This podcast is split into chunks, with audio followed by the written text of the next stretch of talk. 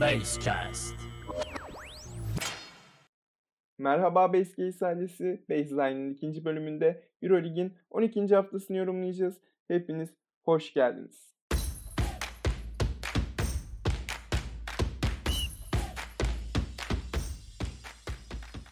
Evet Euroleague'de 12. haftanın da heyecanı bitti. Önce Türk takımlarını yorumlayacağız. Ardından diğer kulüplere geçeceğiz. Ama ondan önce şöyle bir şey söylemek istiyorum. İlk bölümü çektik. Sonra 3 hafta bölüm gelmedi, podcast gelmedi. Öncelikle özür diliyoruz. Sınavlarımız olduğu için, ekip olarak sınavlarımız olduğu için programı yapamadık. O yüzden özür diliyoruz ve 12. 12. haftanın yorumlarına hızla geçiyorum. Evet Fenerbahçe Zenit mücadelesi ile başlayalım.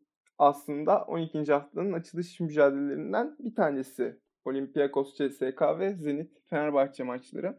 Fenerbahçe kazanmasını bildi Zenit deplasmanında. 73-65 gibi bir skorla kazandı. Savunmada agresif olunca onun hücuma nasıl lanse edildiğini gördü bence biraz. Savunmada agresiflik, agresif oynadık. Çok imkan vermedik Zenit'e. Hücumda hızlı hücumlar Fenerbahçe'nin sanırım bu sezonki silah olacak ama sete set oynadığında, sete sete kaldığında doğru tercihleri yapamıyor. Büyük ihtimalle Alex Perez ve Nando De Colo gelmeden de bu tercihleri doğru bir şekilde yapamayacak. Çünkü Lorenzo Brown bu olaydan anlamıyor. Yani oyun kurma meziyeti yok adamın. O, ve oyun kurucu gibi oynatılıyor ama şimdi kadroya baktığımızda bunu yapabilecek tek oyun kurucu Leo Westerman gibi ama Westerman'ın da daha şu anda dönüp dönmediği belli değil. Yani Westerman gibi oynamıyor diyelim. Kenan Sipahi de yapabilir bence bu rolü ama Kenan'a da çok fırsat vermiyor Igor Kokoşkov. Bunları geçtiğimizde Bartel'in ve Veseli'nin mükemmel oyunu benim dikkatimi çekti. Cidden çok iyiydi ve Bobby Dixon'ın da son çeyrekte takımı alevlendirmesiyle bu maçı kazan- kazanmayı bildi Fenerbahçe. Şimdi ben Fenerbahçe'nin biraz sorunlarına inmek istiyorum. Fenerbahçe bu maçı kazandı ama ben bir seyirci olarak Fenerbahçe'nin galibiyetinden hiç zevk almadım ki ben bir Fenerbahçe taraftarıyım. Yani Fenerbahçe kazanmış. Fena diyemeyeceğimiz bir oyunda kazanmış ama ben galibiyetten zevk almadım. Çünkü ortada net bir ana plan yok. Ben Fenerbahçe'nin bu hafta kazandı diyorum Fenerbahçe ama haftaya Alba Berlin'le oynayacak. Almanya deplasmanına gidecek. Haftaya ne olacağını bilemiyorum. Herhangi bir tahminim yok. Fenerbahçe nasıl oynar? Nasıl bir oyun planıyla sahaya çıkar? Savunmada gene agresif olur mu? Hep bir soru işareti bırakıyor kafamda Fenerbahçe. Bu büyük bir sıkıntı. Bunu acilen çözmesi gerek Fenerbahçe'nin. Acil bir ana plan oluşturması gerek. Ve Kokoşkov'un biraz NBA kafasından çıkması gerek. Acilen. Çünkü yani artık tamam ilk geldiği zamanlar diyordum ki ilk 4-5 hafta diyordum ki yani tamam Kokoşkov NBA'den gelmiş bir koç. Bilmiyor Avrupa basketbolunu şu anda bilmiyor ve alışmaya çalışıyor. Ama şimdi bu zamanlara geldiğimizde biraz Kokoşkov'un kendini göstermesi gerekiyordu. Yani stilinde bir değişiklik yaptığını göstermesi gerekiyordu. Ama hala ben o stildeki değişikliği göremiyorum. Umarım göreceğiz kısa zaman içerisinde. Bunun dışında Dejampierre hiç iyi değil. Acilen kendine çeki düzen vermesi gerek. Yani Gerald de fena değil diyeyim. Yani çünkü Gerald biraz şey kafasında bir adam.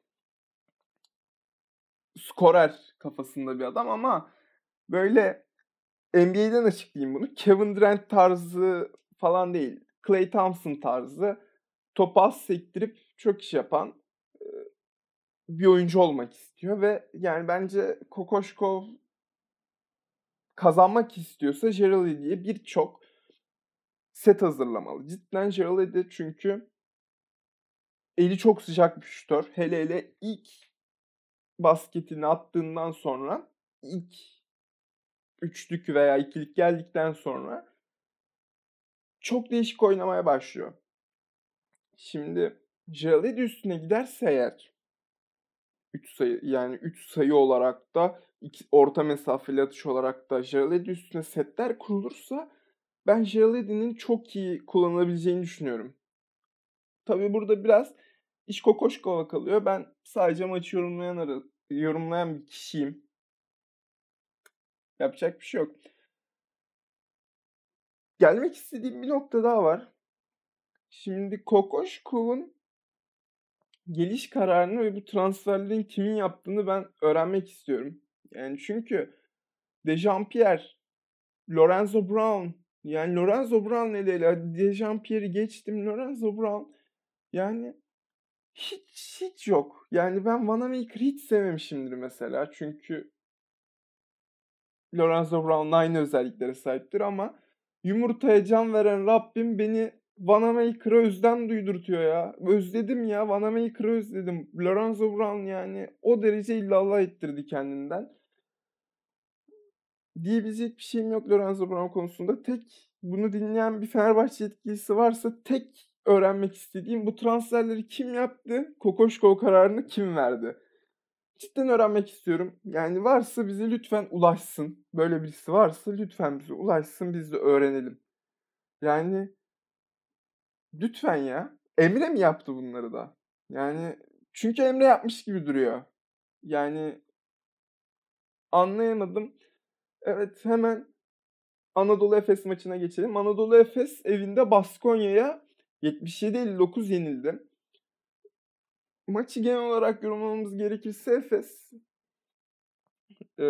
ilk çeyrek iyi oynadı. Ama ben de ilk çeyreği izlemedim. Çünkü maç 7.30'daydı ki bütün Türk ailelerinde olduğu gibi bizim ailemizde de kumanda babamda ve haberleri izledik.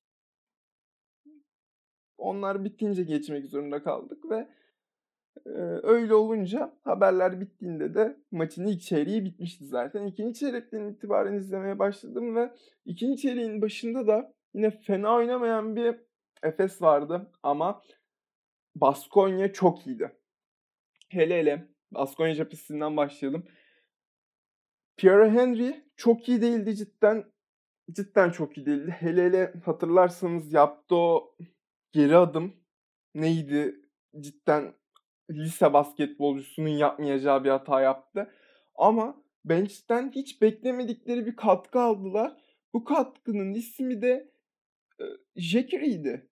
Tony Jackery'di. Yani 8 sayı 8 reboundluk mükemmel bir katkı aldılar.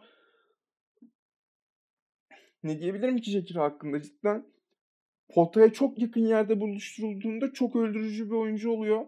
Aynı şekilde bunu Yusuf'a Fal da yapınca yani ikisi de pot altında, potaya yakın yerde topla buluştuğunda yani Bryant Dunstan gibi bir savunmacıyı bile bitirdiler. Yani Bryant Dunstan'dan da göremedik o Bryant Dunstan yani. Ben çok severim kendisini. Hele hele Efes'e geldikten sonra hem savunma hem hücum anlamında kendini çok geliştirmiştir. Ama yoktu. Cuma günü, cuma gecesi, cuma akşamı yoktu. O savunmayı bir türlü yapamadı. E, R.H. Peters adeta Efes'ten intikam aldı diyebiliriz. 18 sayı, 7 rebound, 3 asist. Fenerbahçe'ye de çok yakın bir oyun oynamıştı zaten. Yanlış hatırlamıyorsam Fenerbahçe Baskonya maçı da geçen haftaydı. Yani yok geçen hafta değildi. Geçen haftadan önceki haftada da olabilir. Emin değilim. Bir sürü İspanyol takımıyla oynadık o arada. O yüzden benim de tam emin olamadığım bir tarih bu. Geçtiğimizde Yusuf Afal ve Tony Şekri'yi geçtiğimizde Polonara'dan çok iyi bir verim aldılar ve şöyle bir şey vardı. Uzun 5'e geçtiklerinde aşırı agresif bir oyun sergilediler ve bu agresif oyun da Efes'in hücumunu çok etkiledi. Şimdi Efes hücumda bir şeyler yapmaya çalıştı ama bir türlü o Efes'i havaya sokacak kılcımı çıkartamadılar. O kıvılcım çıkmayınca da Baskonya üstlerine gitti. Bir de uzun beşte çok iyi savunma yaptılar. Devamında çok hızlı hücumlarla yani 24 saniyeyi hiç bitir yani hiç hatırlamıyorum öyle 24 saniyenin sonuna kadar kullanıldığı bir Baskonya hücumu. Yani tabii ki vardı. Yani şimdi bir öyle deyince hiç hatırlamıyorum deyince bir sürü hatırlamaya başladım.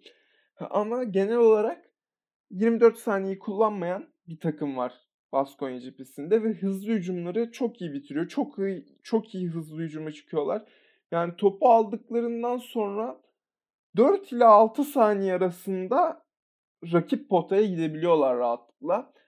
Ve hızlı dönemeyen bir takım olduğunda ya da havaya giremeyince takım o hücumdan sonuç da alamayınca morali bozulan bir takım oluyor zaten ve e, geriye de dönmek çok istemiyor. Bunu çok iyi yapıyorlar cidden.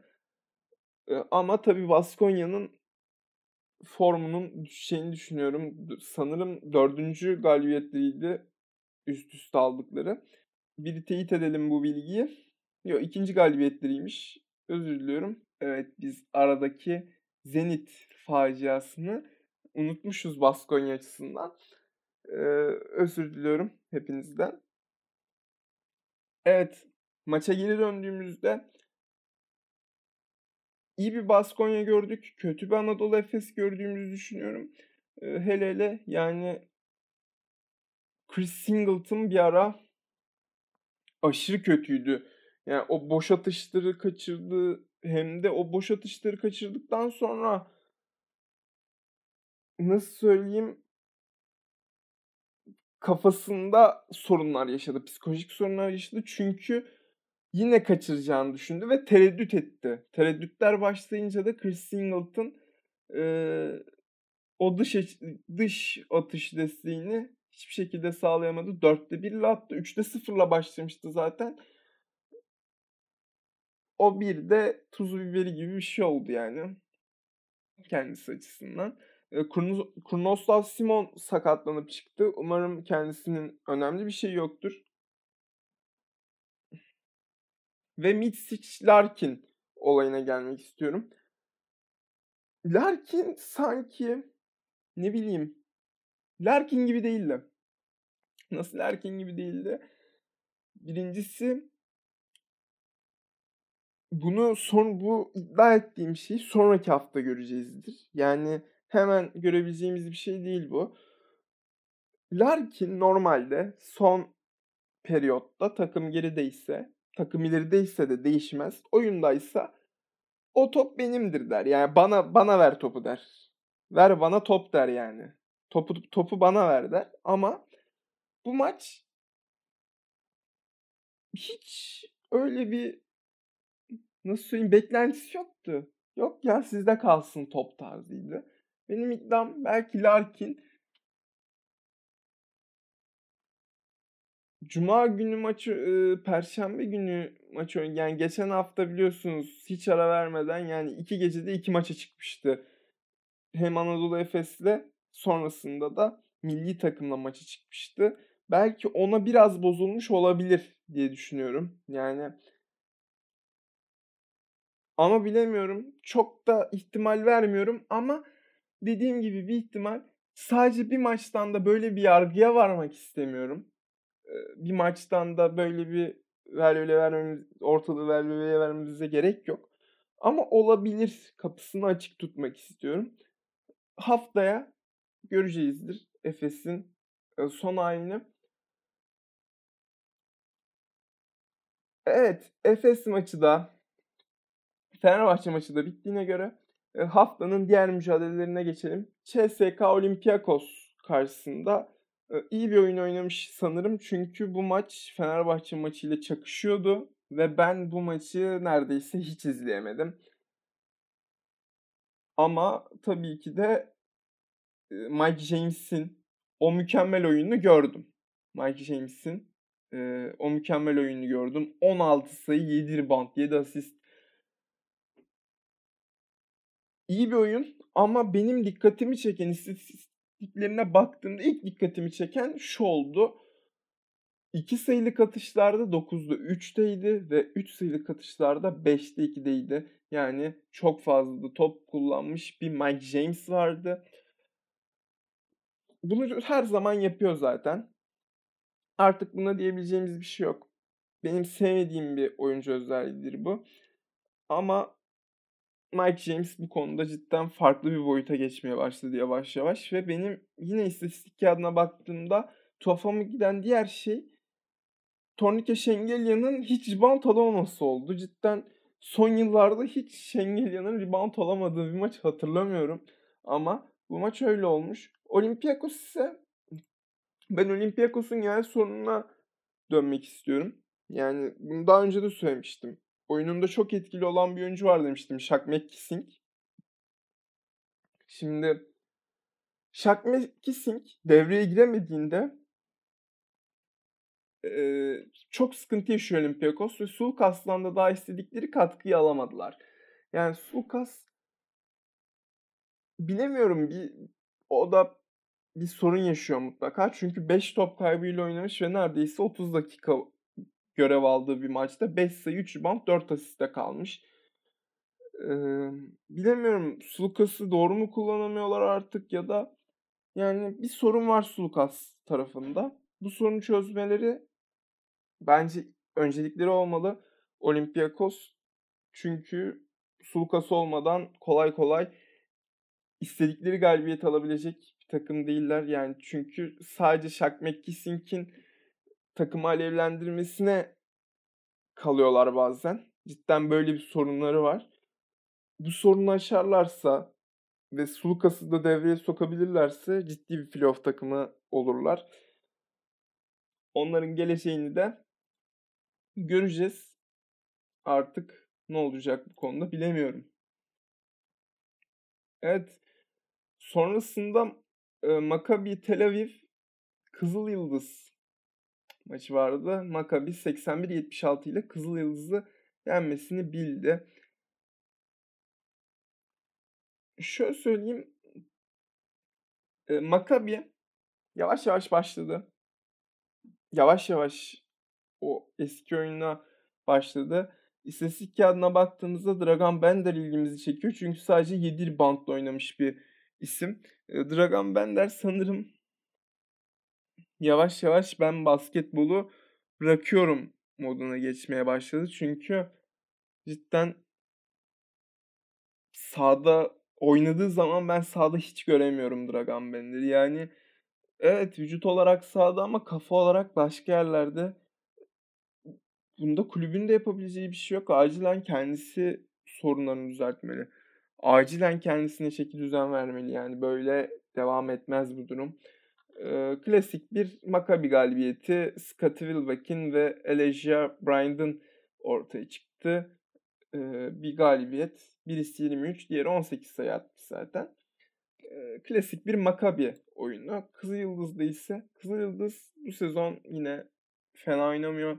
Kız Yıldız'da ilgiyi çeken oyuncu e, Branko Lazic. Yani hiçbir katkısı yok. Sadece 3 faulü var. Hiç şut da denememiş. Yani Branko Lazic çok değişik bir yani istatistik bu. Ee, Jordan Lloyd 24 sayıdaymış. Ee, ve ilk 5'ten alamadıkları katkıyı bench'ten e, Davidovas ve Johnny O'Brien da almışlar.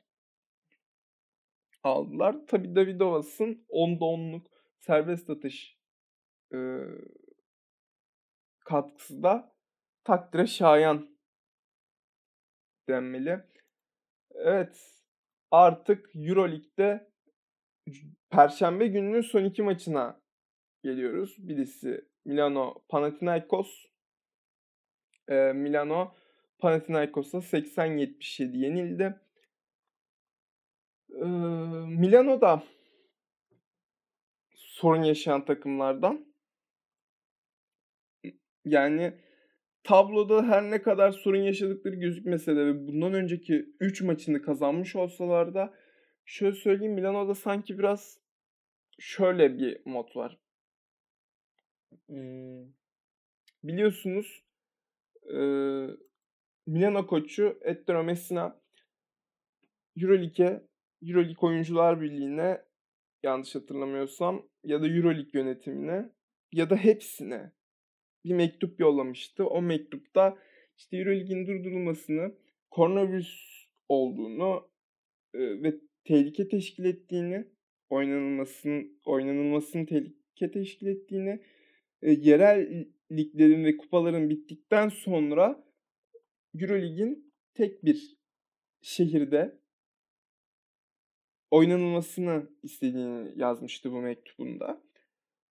Ondan sonra sanırım bu biraz e, soyunma odasına da yansıyınca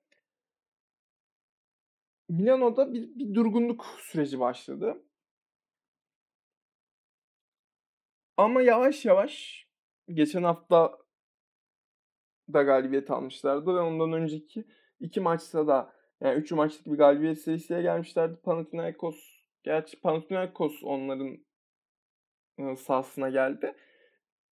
Neyse yani 3 maçlık bir galibiyet serisinden sonra Panathinaikos'la oynuyorlardı ve Panathinaikos yine hafta içinde Asvel maçına çıkmıştı ve Asvel'den de ağır bir mağlubiyet almıştı. Çünkü Asvel üçlük olup yağdı adeta o maçta. Milano bu maçı kazanmasını beklerdim. Tabii Panathinaikos da çok dişli bir rakip. Ee, nasıl söyleyeyim? Panathinaikos cidden çok değişik bir oyun oynuyor. Çok değişik bir oyun oynuyor dememin sebebi ne olursa olsun maçı çok zor bırakıyorlar bu sezon özellikle. Ee, çok mücadeleci bir takım. Hele hele Nemanja Nedovic kendisini yavaş yavaş tekrar bulmaya başlıyor. Aaron White gibi bir oyuncuyu kattılar ve Aaron White de Milano'dan intikam gibi bir şey aldı. Aynı Alex Peters gibi bir hikaye yazdı. 9 sayı 10 reboundla oynadı. Ee, yani bu performans devam ederse Milano'nun iyi yerlere gelebilir. Aynı şekilde Panathinaikos'un da bu performans devam ederse iyi yerlere gelebilir. Evet, Perşembe gecesinin son maçı Valencia Alba Berlin maçı. Alba Berlin Valencia deplasmanında 100 sayı attı. Valencia 92'de kaldı. Hele hele Alba Berlin 3. çeyrekte harika bir, harika bir oyun oynadı. Mükemmeldi.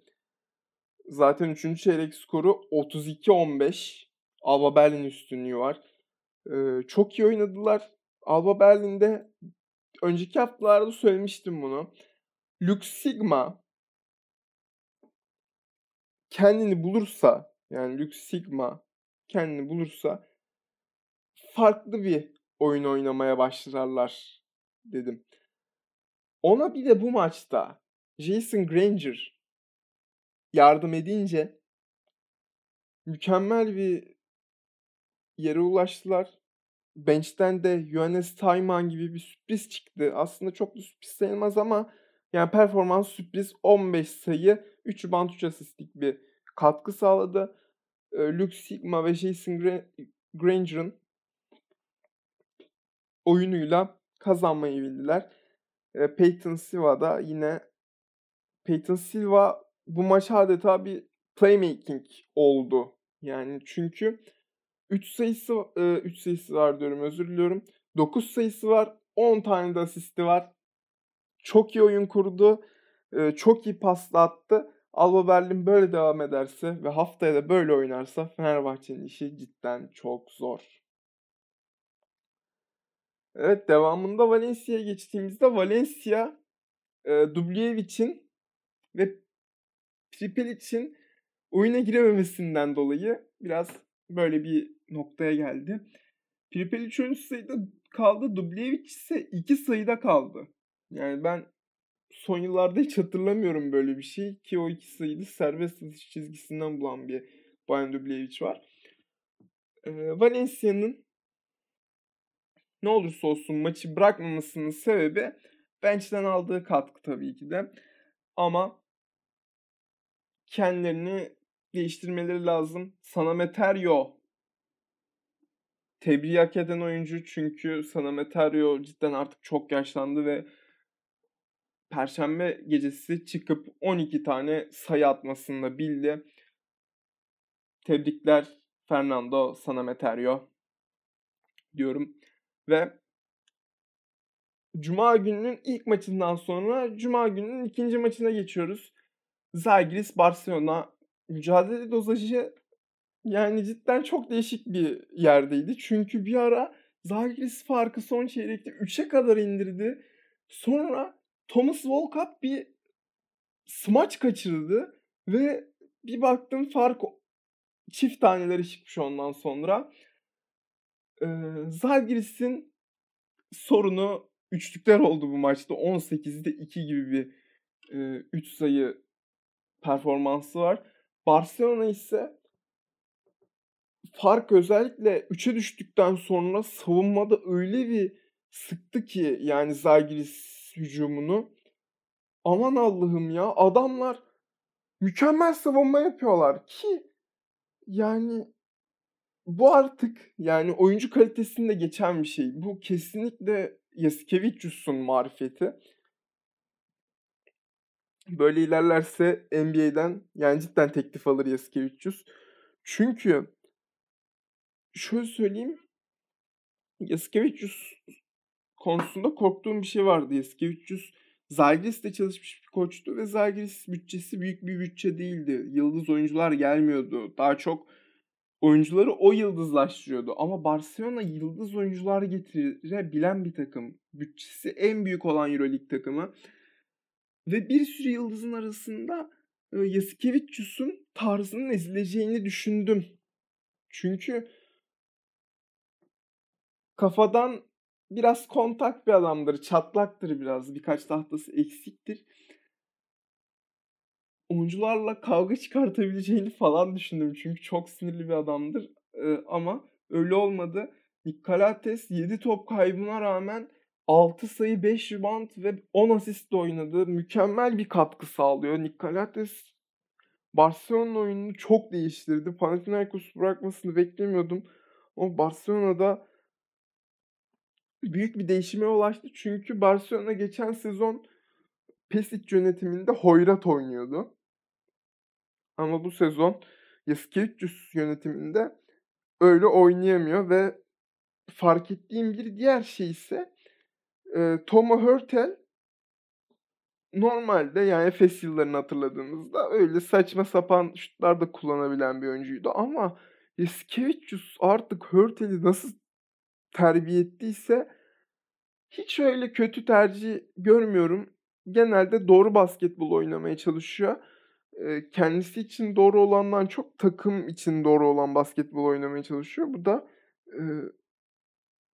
önemli bir özellik çünkü Hurtel devreye girdiğinde bir takımın aurasını çok değiştirebilen bir oyuncu. Buradan yine Hurtel'i tebrik edelim. Kendisine bu konuda çeki düzen verebildiği için belki de eski 300 vermiştir ama kendisinin verdiğini de unut yani kendisinin vermiş olabileceğini de unutmamak gerek bence. Evet gecenin kalan iki maçına geçtiğimizde Bayern Kimki'yi zorla da olsa yendi. 80-77'lik skorla kazanmasını bildi Bayern Münih. Benim bu sene ne izlemeyi sevdiğim takımlardan bir tanesi Bayern Münih. Biri de Tricheri'nin gelişiyle tabii farklı bir seviyeye çıktı basketbolları.